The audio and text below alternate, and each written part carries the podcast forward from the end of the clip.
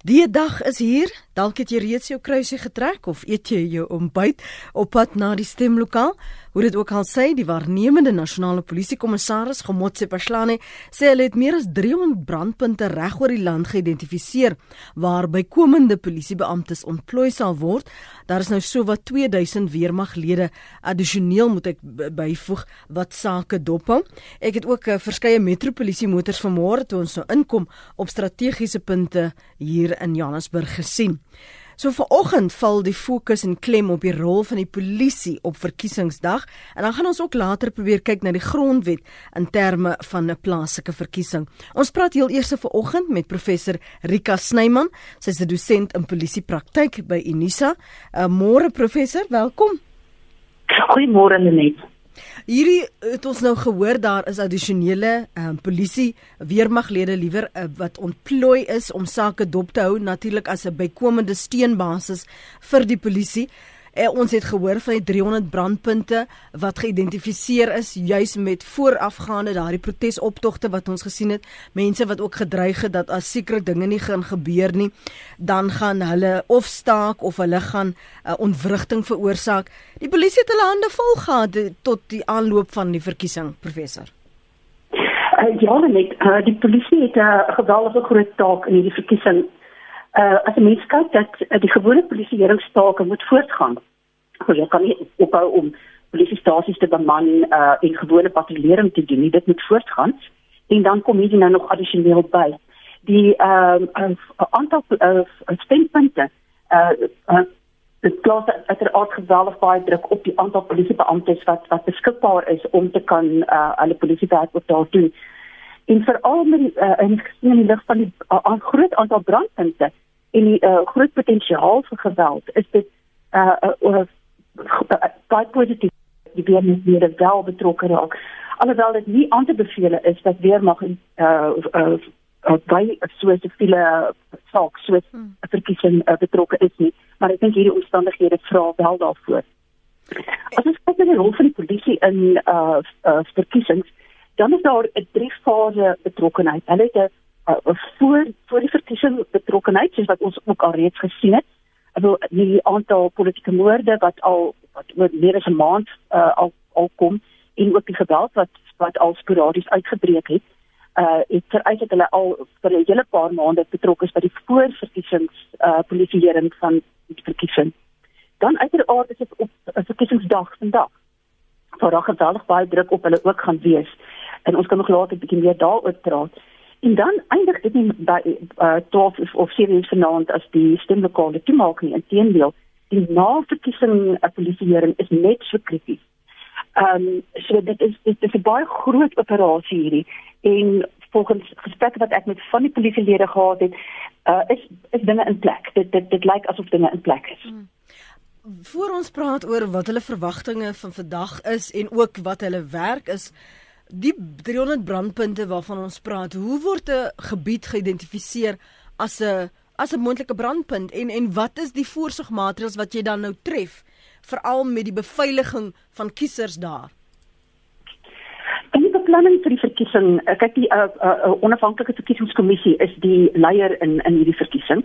Uh, die polisie is nie die leier in hierdie verkiesing nie en is een van die baie kritiese rolspelers. Ons moet dit net in gedagte hou is uh daar is 'n multidissiplinêre span uh wat aangewys is wat bestaan uit verskeie rolspelers onder andere die nasionale intelligensie ehm um, die nasionale vervolgingsgesag uh en die polisie die weermag uh die munisipale polisieering ensovoorts. So daar is baie oë op die grond wat kan bepaal dat dat hier potensiële risiko's is. Uh wat die spesifieke kriteria is, dit weet ek nie. Hmm maar uh, ek weet wel dat die multidissiplinêre span uh, uh, uh besluit watter areas is is potensieel uh, hoë risiko. Sien nou byvoorbeeld ek dink nou net sommer 'n wille gedagte hierso uh, jy het nou daar aangekom met 'n uh, na gisterand se partytjie en jy nog jy dalk ook partyklere aan, uh partypolitiese klere aan. Um, en jy oortree as 'n kiezer die wetgewing en die reëls wat geld by 'n verkiesingslokaal. Uh, kan die polisie jou net daar verwyder?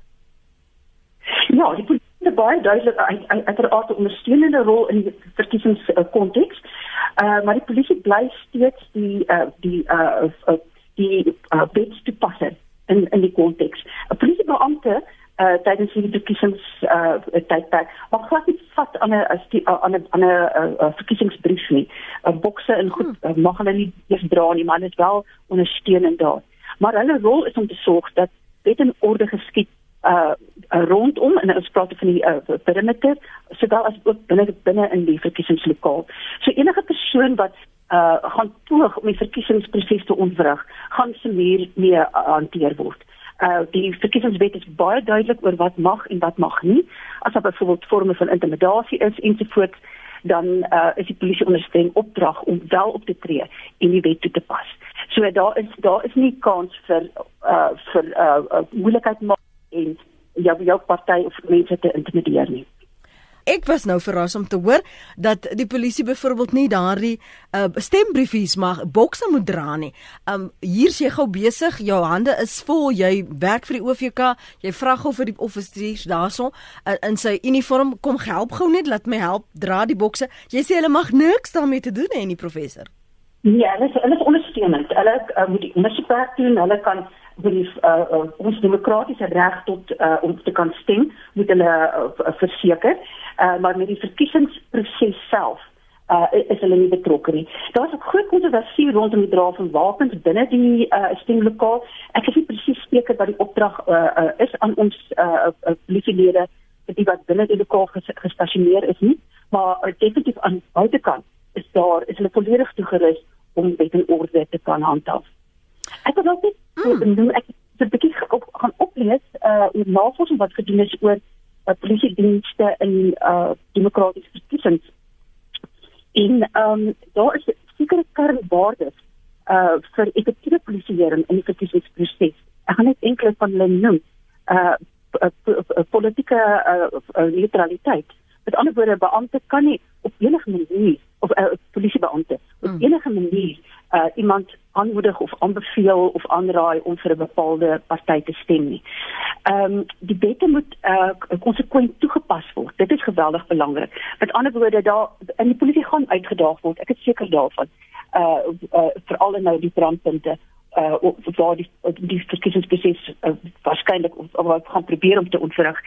Dan ehm um, uh behoorlike beplanning is een van die ander waardes wat wat nodig is. En um, ek is bewus daarvan dat daar uh, baie baie beplanning ingegaan het uh, in die in, in opleiding in die polisie wat uh, spesifiek op, op op stemdag by die lokale uh, gaan wees. En dan die belangrike aspek, uh, die polisie is nie 'n administratiewe bron vir die uh, uh, uh, regerings vir die regeringsmag nie. Met ander woorde, hulle dien geen politieke party se belange nie. So daai neutraliteit is is ontsettend belangrik en hierdie kernwaardes kan verseker dat uh, die uh, uh, polisieering effektief kan wees in die verkiesingsproses. Praat gerus saam 16 minute oor 8. Connie is vir my op die lyn. Connie, môre. Dankie dat jy gebel het. Môre met dankie môre uh en ook aan jou gas. Ek dink ons sit tans met uh, mededinging tussen politieke partye om om om kiesers te kry. En uh ek ek glo daar is redelike politieke spanning in die land uh op op die hmm. spits gedryf sover. Uh, ek wil net by jou gas hoor, uh, sinds sy dat dit uh, wel 'n ongesonde verkiesingsklimaat tot gevolg het as ons kyk nou so 'n paar weke terug onverdraagsaamheid, intimidasie en betogings op plekke wat hand uitgeruk het. Ons ons het self faksiegevegte en politieke moorde gesien. So uh, hoe raak dit die kiesers wat ver oggend op pad is na die stembus toe? Daar is wel polisie teenwoordigheid, maar ons praat van intimidasie nog voordat hulle by die stembus opdaag. Ons weet die polisie uh, kan net op die toneel wees, maar hoe word intimidasie ook geslaan voordat die kiesers by die stembus opdaag? Luister en mooi dag vir julle. Mooi dag vir jou. Ek dink so so so geldig. Dankie daarvoor. Connie se kommentaar oor die voorafgaande ongesonde verkiesingsklimaat. Ons het ook weer voorvalle gesien van intimidasie en in watter mate die polisie se teenwoordigheid gerusstellend is. Uh, ja, ons die ander tot die verkiesing uh, was ons seker gewelddadig geweest. Um, ek het gister in die uh, My Guardian artikel gelees oor die vyf mees dramatiese oomblikke en ek wil gesê nou aan uh, uh van ons verkiesing. Die eerste twee gaan oor die opstand wat in Swani uh, plaasgevind het met die aankondiging van die uh, uh een van die uh, uh, uh, kandidaat vir die vir die burgemeesterspos en die ander was die politieke moorde gewees. Uh ons ons sit met met geweldige spanning in ons in ons in ons land. Uh ons sit met spanning op vele vlakke, nie net uh, op 'n politieke vlak nie, maar ook uh, wat ons dienslewering aanbetref. Ek wil net 'n voorbeeld noem van wat gister, ek dink dit is in Eldorado Park, ek sien heeltemal seker nie, waar twee van die verkiesingstente uh, afgebrand is, die bulletine vernietig is. Uh omdat die uh van, van die inwoners daar uh, uh, uh, baie opstel is dat hulle al vir 5 dae nie elektrisiteit het nie. Maar die kabels word gesteel uh, in die area en dan daar met hulle elektrisiteit nie. En haal hulle hulle frustrasie uit op hierdie verkiesingsproses. Ek dink dit op sigself is 'n baie baie groot risiko vir verspanning uh, rondom verkiesingslokale. Uh navorsing wat professor Mohammed Sidat gedoen het vroeër die jaar, wat hy gekyk het hoekom is daar soveel geweld tydens diensleweringproses protesoptogte, het hy gevind dat ehm um, die uh, die burgery van die burgery voel dat hulle stemme word nie gehoor nie en uh, daarom uh, brand en breek hulle sodat hulle net die aandag kan kry. Nou is die ironie van die saak. Uh daar is nou die geval van Eldorado Park waar die uh die tente waar ook afgebrand is. Hallo? Ja. Ek skiet tog, ek het gedoen die lyne nee, nee, self af. Ehm um, dat eh uh, hulle het nou die geleentheid om die stem te laat hoor deur is deur die kruis op die stembrief te trek maar wat doen hulle hulle brand die die eh uh, verkiesingsstem af. Eh uh, so dit is eintlik 'n baie hartseer eh uh, konteks daar. Rondom politieke moorde ehm um, is dit ook tragies dat 20 van die name op die kieslyste nou dis nou nasionaal is die kandidaate dood uh of vermoor of uit van natuurlike oorsake oorlede. So uh, op uh, in 2016 is daar alreeds sewe politieke moorde of geïdentifiseerde politieke moorde gepleeg. Dit gou die statistiek uh 2011 is daar 13 politieke moorde gewees, 2012 23 en toe daal dit gelukkig drasties na 2013 14 was dit 5 gewees en 2016 is dit nou nou al 7 ons trek nou na helfte van die jaar so ons kan sien daar's 'n effense stygings maar ons is nog baie ver in waar ons was mm. gelukkig in 2011 20 2012 nie uh, die, die konsep van van die van die, van die spanning is is is 'n groot bron van kommer. 'n Ander aspek wat my 'n bietjie bekommer is die feit dat ehm um, die jonger kriete wat nou verlede week ehm um, uh, uitgepasseer het, uh, word nou in die stem uh, konteks gebruik. Ja. En hulle is onervare. So dit is vir my 'n bietjie 'n stuk bekommernis, maar ek wil tog dink dat ehm um, hulle aangewend sal word in in nie brandpunt areas. Ja, net om oogie te hou as dit ware waar daar nog nie 'n groot risikofaktor is nie. Ja, ons ons ons vertrou. So ek dink ek dink daarom so die polisie het baie goeie beplanning gedoen. Uh ek wil net ook iets anders noem. Ek het verlede week 'n werkswinkel gefasiliteer met polisiebeamptes van oral uit Suid-Afrika was was daar. En uh, meeste van hulle is op die oomblik ontplooi in uh, veral in landelike gebiede. Ehm um, en hulle is ontsettend bekommerd oor hulle eie persoonlike veiligheid ook. Want uh uiteraard om uh, openbare geweld te hanteer, moet jy baie spesifiek opgelei wees. Nou, ons openbare orde polisieering ehm ja, ja. um, het het 'n hernuwing ondergaan die afgelope paar maande. So hulle is goed in staat om dit te kan doen. Maar uh vir alle plattelandse areas uh is is van hulle nogal bekommerd oor oor wat wat gaan daar gebeur want hulle is uh hulle kom doen hier hier in jou kantoorwerk, hulle doen openbare orde, 'n uh, polisiewerk. So ons het ook 'n baie simpatiek kyk na ons polisielede. Veral die wat nou in die, die platteland ontplooi is waar die fasiliteite nie uh, behoorlik is, akkommodasie, ablusie ensovoorts, waar dit honderde kilometers van hulle huise af is. So dit dit is baie moeilike omstandighede vir die polisie uh, op die oomblik. Die waarnemende polisie nasionale polisie kommissaris Gemotse Perslaan het gesê dat tot dusver is nou al 10 arrestasies gemaak in verband met daardie uh, politieke moorde waarna jy verwys het die wyse waarop hulle dit benader het, het hulle dit vinnig genoeg hanteer, die ondersoeke veral uh die ander uh, intelligensiedienste betrek met die hantering van hierdie politieke moorde volgens jou? Ja, absoluut. Ek het 'n artikel gelees uh, wat uh, gekyk het na die uh die uh, die spesiale spanne wat hulle saamgestel het om die moorde te ondersoek en ek wil werklik daar uh, uh, uh, vir hulle uh, uh, uh, gelukwens met die spoedige uh, optrede en die kwaliteit van die uh, ondersoekspanne. Hulle het ook uh, uh, van die valke uiteraard hulle top uh, spelers is is daar en dan is die aanklaers ook betrokke by hierdie ondersoekspanne. Uh, en ek dink die die boodskap word duidelik uitgestuur van uh sodanige geweld gaan nie geduld word nie. Uh die uh, in in die die feit dat daar so baie polisielede ontplooi word en ook die weermaglede moet 'n boodskap uitstuur van uh ons ons, ons verkiesingsproses is onafhanklik en mag nie deur mag nie onderrig word nie. Tokkie skryf hier op ons SMS lyn 34024. Tokkie, jy sê ongelukkig nou nie waar jy is nie. Uh, ons nou ook iemand uitgestuur en gevra het om vir ons terugvoer te gee of ander dit ook so ervaar. Sy skryf polisiebeamptes manlik en vroulik hand in die broeksak nie paraat teenoor die SAPD nie in dit op stemdag skryf Tokkie. En ons verwelkom ook vir Pelpelampi Dube, sy is die direkteur, direkteur vergewe my by die Sentrum vir Grondwetlike Regte. Môre Pelpelampi? Hallo, goeiemôre. Thanks so much for joining us. We'll chat to you in a moment. Professor, ek wil net gou hê ons moet dan vir mense verduidelik wat is die verpligtinge van 'n poli van polisieman of vrou op verkiesingsdag? En dan wil ook luisteraars weet, maar hoe weet ons waar die brandpunte is? Die polisie het 'n drieledige rol om te vervul uh, op die verkiesingsdag self. Die eerste een is om veilige toegang te bied tot die stemlokale uh en om uh, te sorg dat dit ordelik en rustig gaan.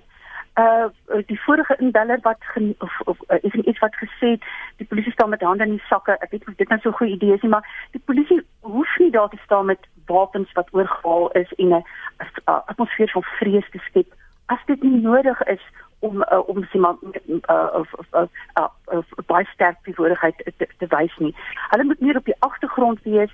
Die stemproses is is is die is die fokus. Uh so ons moet ook besef dat uh waar nodig gaan hulle wel uh, gewapend staan, maar as dit nie nodig is nie, uh is is is, is dit uh, skep dit net onnodig uh, vrees. Hmm.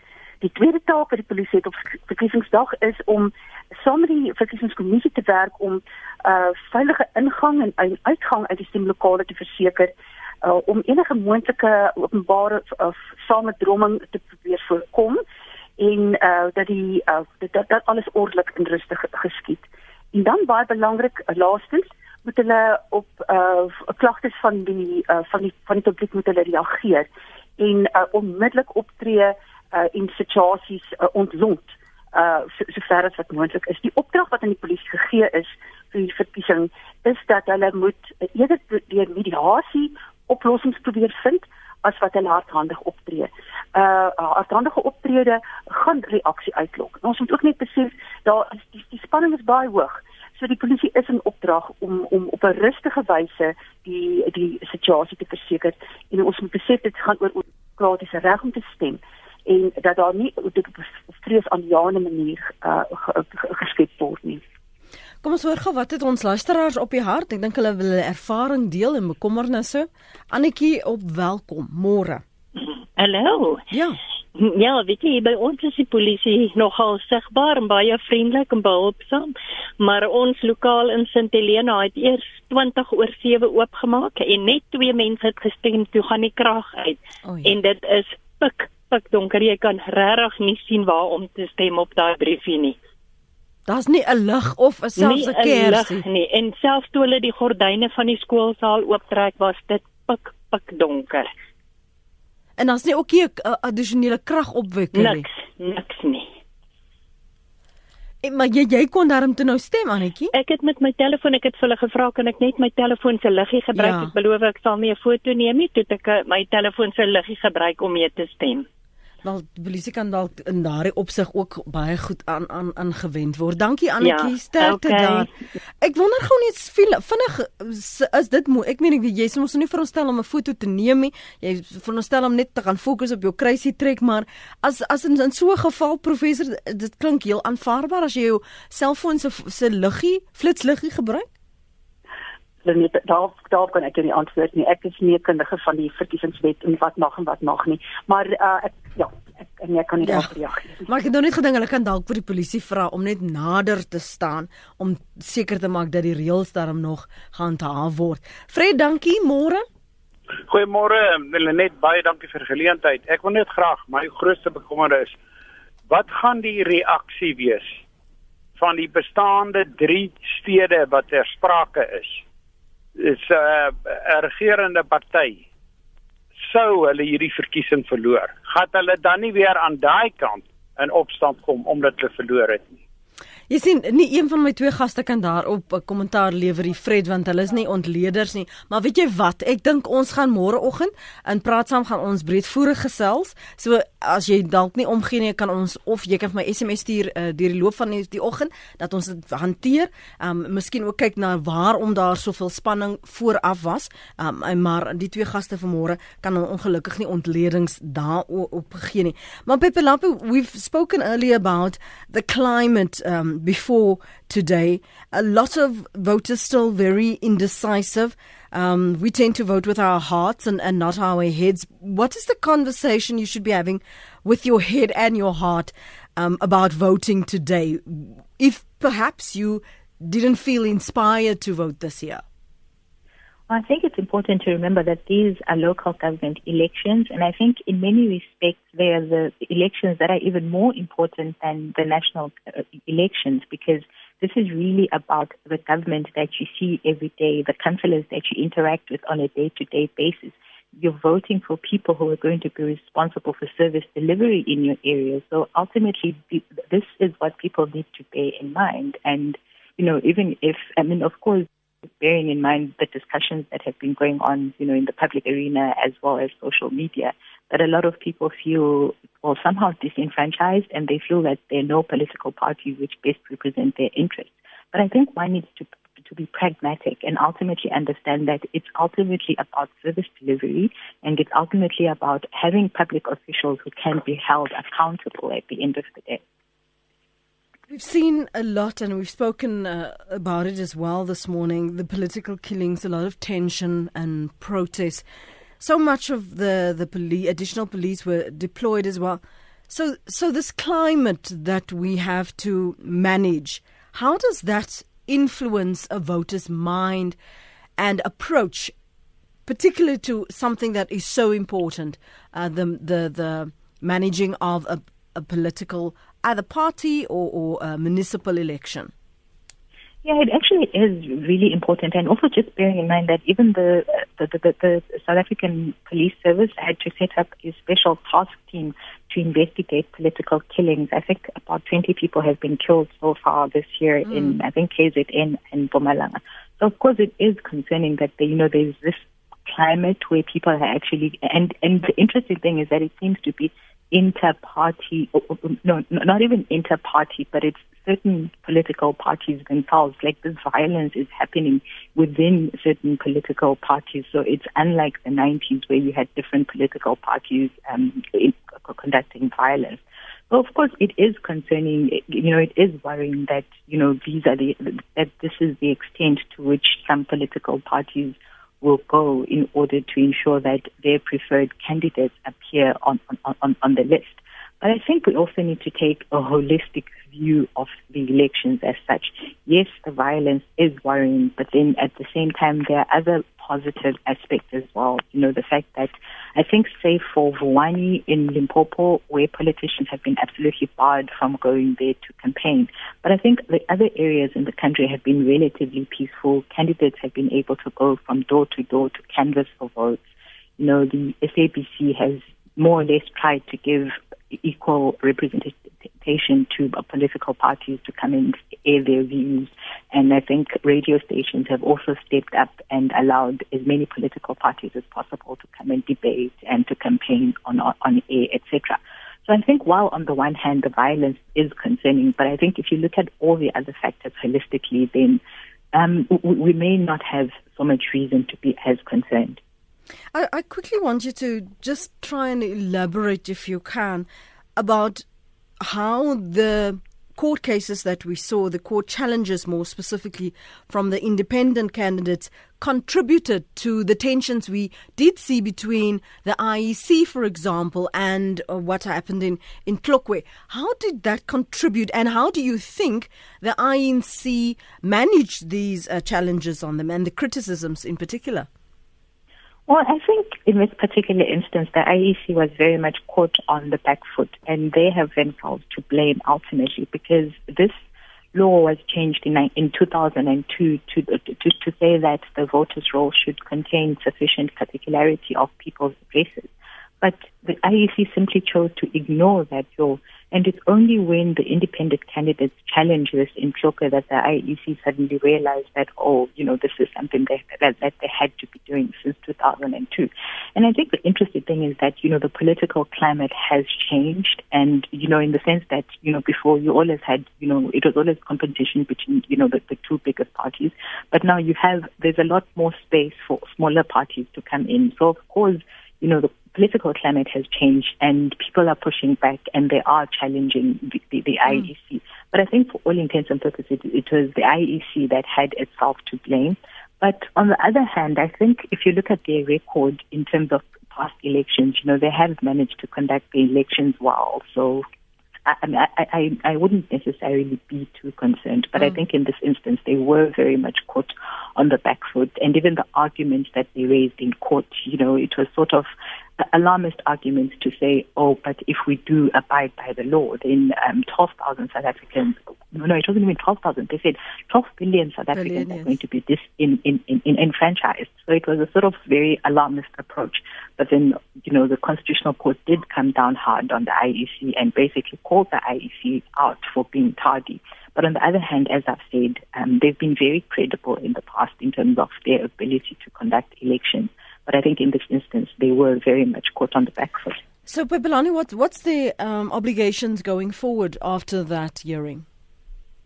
Well, after that hearing, and interestingly, this will be in time for the 2019 national elections. Basically, the Constitutional Court has told the IEC to simply go back and fix the voters' roll, and that the current voters' roll, for all intents and purposes, is invalid because of the manner in which the IEC had, had failed to capture addresses.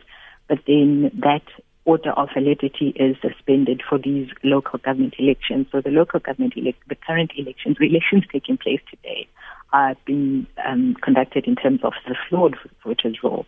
But then the court has said, for all intents and purposes, we should only consider its invalidity after two years. So it means the IEC will have sufficient time to fix the voters' roll for the 2019 elections.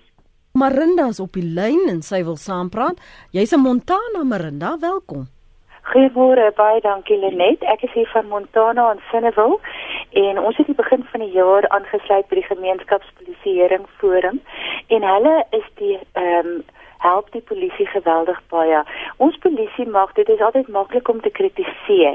Weet jy maar uh, ons moet hulle help en ons moet werklik waar ons burgerskap ernstig opneem en verantwoordelikheid neem om die polisie ook te help. En die gemeenskapspolisieering is vandag daar om die polisie te help en en hulle by te staan want daar is net te min polisie. En kom ons probeer op enige manier um, om ons land op te bou en daar te wees vir ons medemens en ons polisie Dankie Marinda, kom ek vra vir jou professor Rika dan, um, in in watter mate staan 'n burger 'n organisasie of so 'n 'n raad by 'n buurtwag byvoorbeeld die polisie by op op stemdag? Mag hulle enigstens ook 'n teenwoordigheid daar het as hulle nie uh, verbonde is aan 'n aan 'n politieke party nie?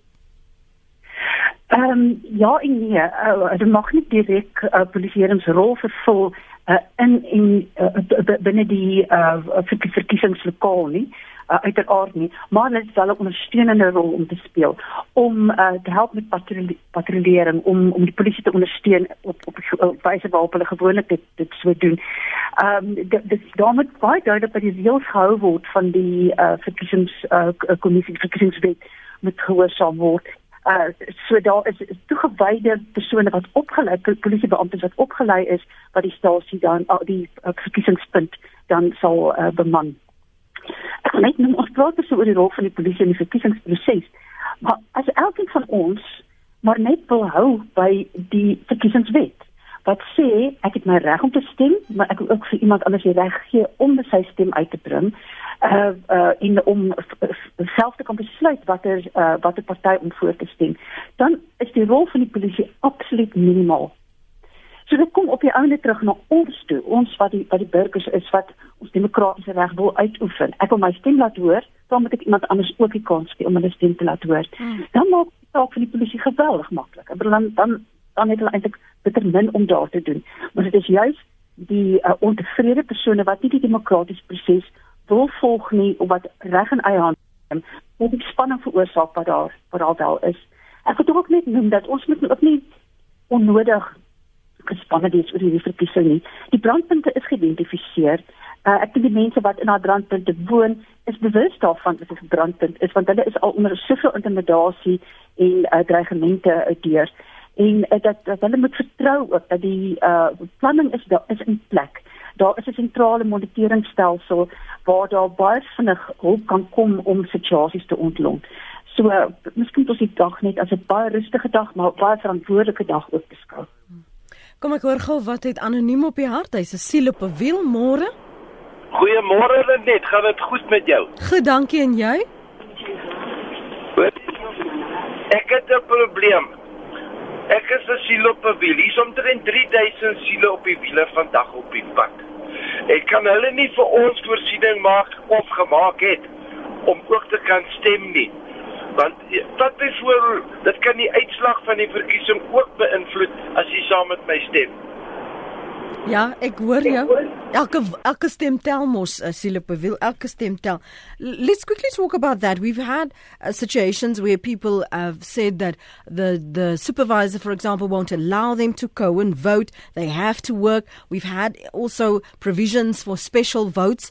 Um, are we discarding um, a certain sector of our society, potential voters, because we're not making enough allowances? Or is it not the IEC's responsibility to make those allowances, but my responsibility um, as a voter? Well, I think it's important for people to know what the law allows and doesn't allow. So, first of all, in terms of the Electoral Act, um, employers are obliged to allow their employees time off to go and cast their votes.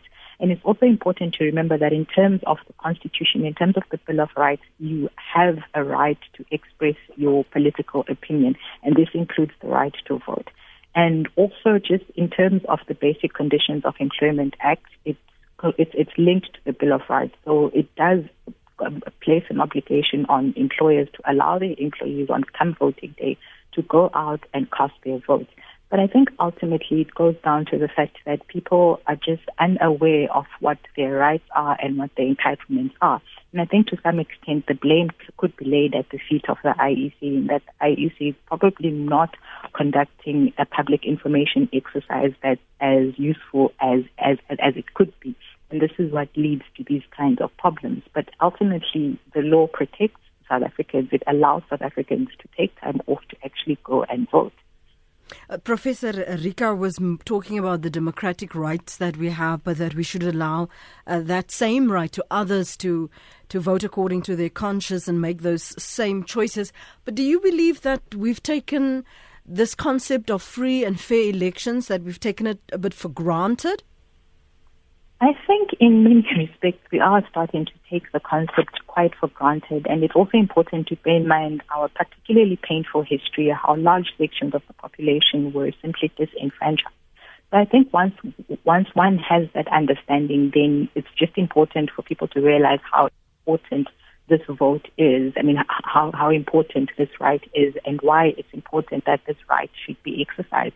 And not just that, but also just the ability to debate you know, across different political lines, across different political ideology, but to debate in a respectful manner, in a manner in which one hears what the other person is saying, and you know, there has to be that space for a respectful disagreement. But I think just bearing in mind what's been happening on social media, just how unpleasant that space for political debate has become.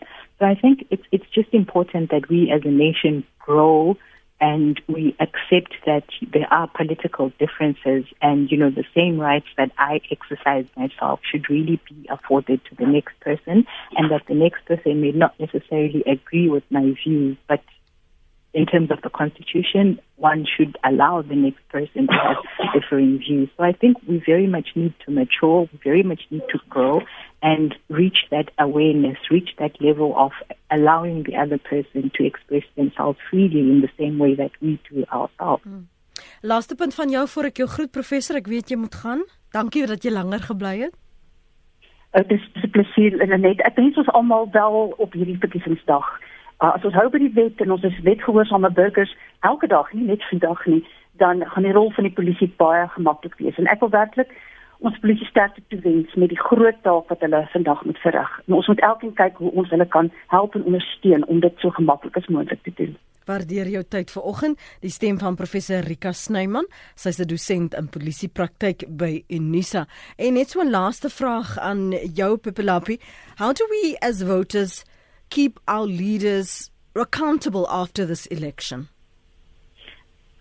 That's an interesting point because, and I think it's one of the points that people keep raising uh, as well on social media when they try to defend their decision not to vote they keep pointing out the fact that voting isn't the only way in which you hold your leaders accountable. And that is true to some extent. But we also need to bear in mind that ultimately, if you don't vote, then you're essentially stuck with whatever choices other people have made for you for the next five years. But in that time, in that time whilst we wait for the, the elections, it's also important for people to just know just basic things like who is your councillor, who is your ward councillor in the place that you stay?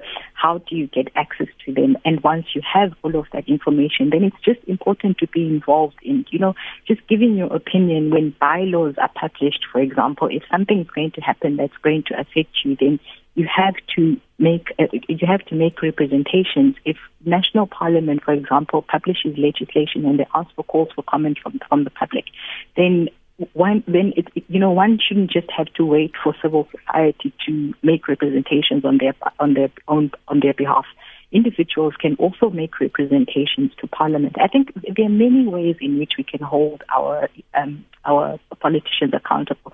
We've got Chapter 9 institutions. If you're not happy with the manner in which the municipality is conducting its tenders, for example, if you're aware of any wrongdoing, you have a duty, you know, you have this right to approach Chapter 9 institutions, whether it's the Public Protector's Office, whether it's the Human Rights Commission, and just that duty to hold your politicians accountable in, in, in all forms. If you know there's wrongdoing, there's also the South African police service as well. Hopefully it doesn't come to that. But mm. one should be aware that there are many avenues in which one can continue to be involved in the, the public arena and continue to be involved in holding public officials accountable.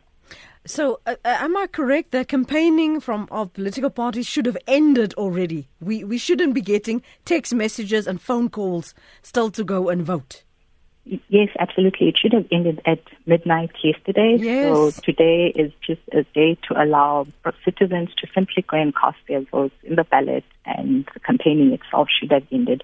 So no more SMSs, no more house calls, absolutely none of that at all. Okay, so because I can go and report a political party that called me before the show this morning.